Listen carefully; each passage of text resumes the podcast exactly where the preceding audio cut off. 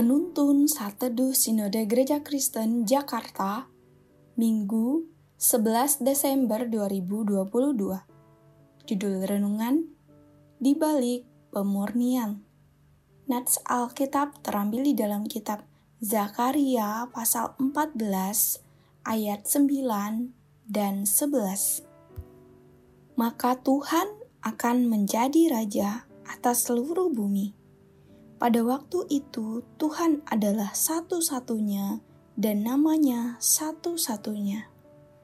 Ayat 11 Orang akan menetap di dalamnya sebab penumpasan tidak akan ada lagi dan Yerusalem akan tetap aman. Indah pada waktunya.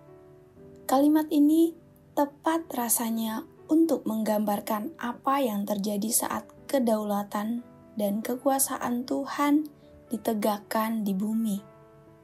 Saat itu, semua orang akan datang dan sujud menyembah kepada Tuhan. Dalam perjalanan sejarahnya, bangsa Israel berulang kali ditaklukkan oleh bangsa-bangsa lain.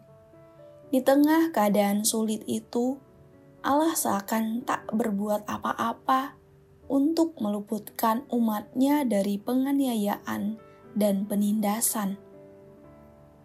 Namun melalui semua peristiwa itu, Allah Sang Sutradara Agung sedang mengatur jalan untuk memurnikan umatnya. Allah mengizinkan bangsa-bangsa memerangi Yerusalem Allah membiarkan seakan kejahatan itu menang. Namun, di akhir dari cerita itu, Allah bertindak sebagai pahlawan. Ia mengguncangkan dunia, mengalahkan kejahatan, mengembalikan kedamaian, dan membawa umatnya masuk dalam kemenangan. Sebagai bentuk keadilan, Allah menghukum kejahatan dengan berat. Puncak dari semuanya itu, sujudlah semua bangsa menyembah Allah. Hari-hari ini, kita menyaksikan dunia begitu penuh dengan kejahatan. Hukum tidak mampu lagi berdiri tegak. Penindasan dan ratap orang percaya terjadi di mana-mana. Iblis dengan segala tipu dayanya seakan menang. Namun demikian, hendaklah kita jangan berputus asa.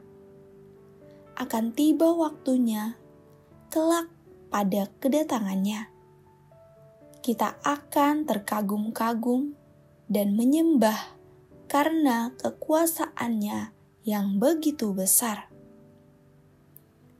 Bahkan melalui penderitaan sekalipun, Allah dapat memakainya untuk memurnikan kita. Amin. Terima kasih, Tuhan Yesus memberkati.